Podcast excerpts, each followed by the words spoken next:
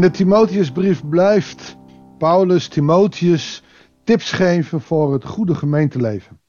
En dat is niet alleen maar binnen de gemeente, maar ook voor je persoonlijk. Hoe ga je met dingen om? En uh, je weet dat God, maar ook Jezus, uh, veel heeft gegeven om de weduwe en weduwezorg, weduwnaren en weduwezorg, uh, de armen en de weduwe moet je altijd blijven zorgen. En die staan ook centraal in de Bijbel. Daarom lezen we nu uit 1 Timotheus 5 en gaan we naar de praktische kant van het gemeenteleven. Hoe ga je daarmee om? En kunnen we dat één op één zo nu nog overnemen? Laten we het ontdekken. Goeiedag. Hartelijk welkom bij een nieuwe uitzending van het Bijbelsdagboek. We lezen uit 1 Timotheus 5, de versen 1 tot en met 16. En daar lezen we: Ga niet tekeer tegen oudere man. Als je hem vermaant, beschouw hem dan als een vader, zoals je jonge mannen als broeders moet zien. Oude vrouwen als moeders en jonge vrouwen als zussen. En dit in alle zuiverheid. Een, een, een mooi iets voor in de gemeente. Je kan niet zomaar tekeer gaan als een oude man. Doe net alsof het je vader is, oftewel eert hem. Niet vereren, maar eert hem. Heb respect voor oudere mannen, want het had je vader kunnen zijn als op die manier. Als je hem vermaant, beschouw hem dan als een vader. Dus doe dat in alle respect. Betekent niet dat je hem dus niet mag vermanen, maar doe het in alle respect, in alle zuiverheid. Ondersteun weduwen die alleen staan. Er staan niet weduwnaars. Of daar verschil in wordt gemaakt, weet ik niet. Maar meestal gaat het over de vrouw. Want de vrouw zonder man heeft geen toekomst. Heeft geen inkomen, heeft geen pensioen. Dus ondersteun weduwen die alleen staan. Maar als een weduwe kinderen of kleinkinderen heeft, is het allereerst hun plicht om de zorg voor de familie op zich te nemen. Dat hebben we natuurlijk tegenwoordig anders uh, gedaan. Ondersteun weduwe. En hebben ze kinderen of kleinkinderen, stop het in een verpleeghuis. Voorheen zou je kunnen zeggen, stop ze in de bejaardenwoning, maar die heb je niet meer. Op een of andere manier stoppen wij onze ouderen graag weg. En komen één keer in de maand met een zekere tegenzin op visite. Ja, dat is natuurlijk nogal wat. Belangrijkste is, en daar gaat het hier ook om, dat de familie verantwoordelijk is. Als ik mijn zoons vraag, die hebben zoiets van, ja dag, je gaat wel lekker in het huis en dan kom je wel af en toe opzoeken. Dat zeggen ze uit de gein, maar iemand zomaar in je gezin opnemen, dat is er in deze tijd ook niet meer echt bij. Het was natuurlijk in de jaren 60, 70, nou 70 weet ik al niet meer, maar was het in de jaren 50, 60 in ieder geval best nog wel normaal dat je opa of oma in huis nam, want je stopt iemand niet weg in een tehuis. Nu is het de taak van de gemeente, maar eerst aan de kinderen. Zo betalen ze hun voorouders terug en dat is God welgevallig. Dus als je voor je oma of opa of voor de weduwe in je familie zorgt, dan offer je daarmee God. Oftewel, je, je geeft God alle eer. kan je heel mooi terugzien in Jeremia 49 vers 11. Een weduwe die helemaal alleen staat, houdt haar hoop op God gevestigd en blijft smeken en bidden dag en nacht.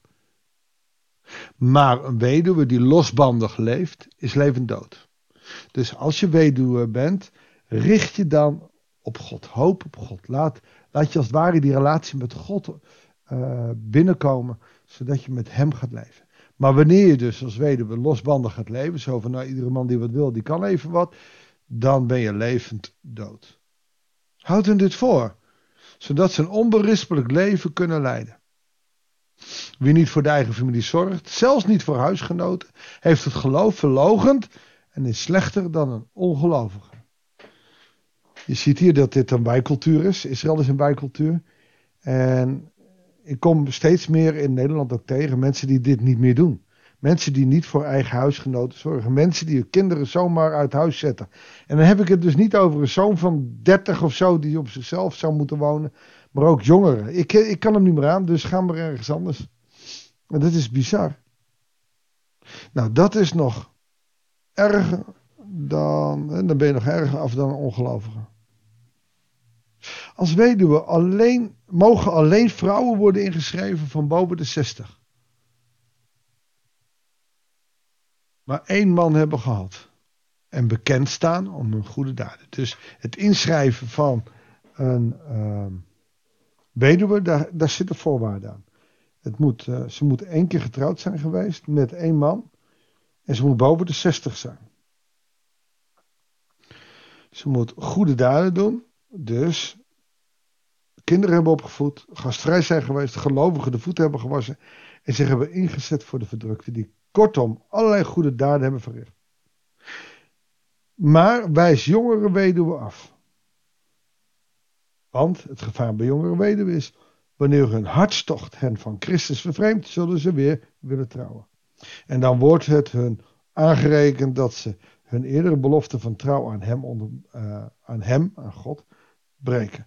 Bovendien zullen ze er een gewoonte van maken hun tijd te verdoen door overal op zoek te gaan. En dat niet alleen. In hun bemoeizucht praten ze ook over dingen die geen pas geven. Oftewel, tegenwoordig zou je kunnen zeggen, jonge weduwen die gaan meteen naar uh, allerlei eh, apps toe, dating apps, om daarmee uh, proberen aan de man te komen. Daarom zegt hij, daarom wil ik dat jonge weduwen hertrouwen, kinderen krijgen leiding geven aan het huishouden en hun tegenstanders geen aanleiding geven om kwaad van ons te spreken. Ze moeten koosje leven. Nou is dat makkelijker gezegd in de tijd van de Bijbel dan hier. Daar werd je uitgehuwelijk. Hier, en dan kon je als man meerdere vrouwen hebben, dan zorgde je dus ook voor een weduwnaar voor wie je losser was. Denk maar aan het verhaal van Rut. Tegenwoordig gebeurt het alleen door liefde. En dan is de selectie groter. Dan moet je er nogal knap uitzien en dan is het nogal baal als je kinderen hebt. In die tijd was het dus makkelijker. Maar het betekent niet dat je van God af moet raken en je alleen maar bezig moet houden met seks, met daten. En met... veel beter is het om je te richten op God. En als je dat niet lukt, zorg dan dat je toch weer gaat trouwen, zodat je een eerzaam leven gaat krijgen. Alleen bent dat toch maar weer gaan trouwen. Weet je, als je op een. Uh, nou ja, ik heb een, een, kennis van mij die, die heeft wel eens laten zien hoe die door zo'n app scrolt.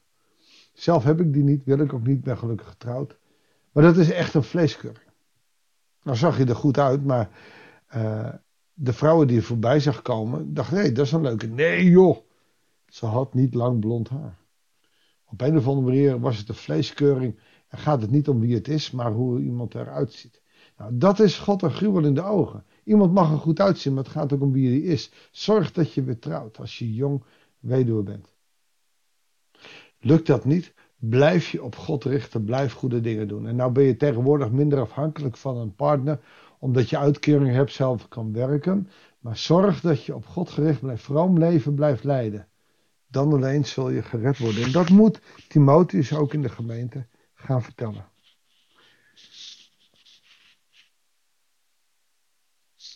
Uh, want enkele van die weduwen zijn, zijn immers al van het rechte pad afgeweken. Achterna. Je bent dus heel gevoelig als weduwe.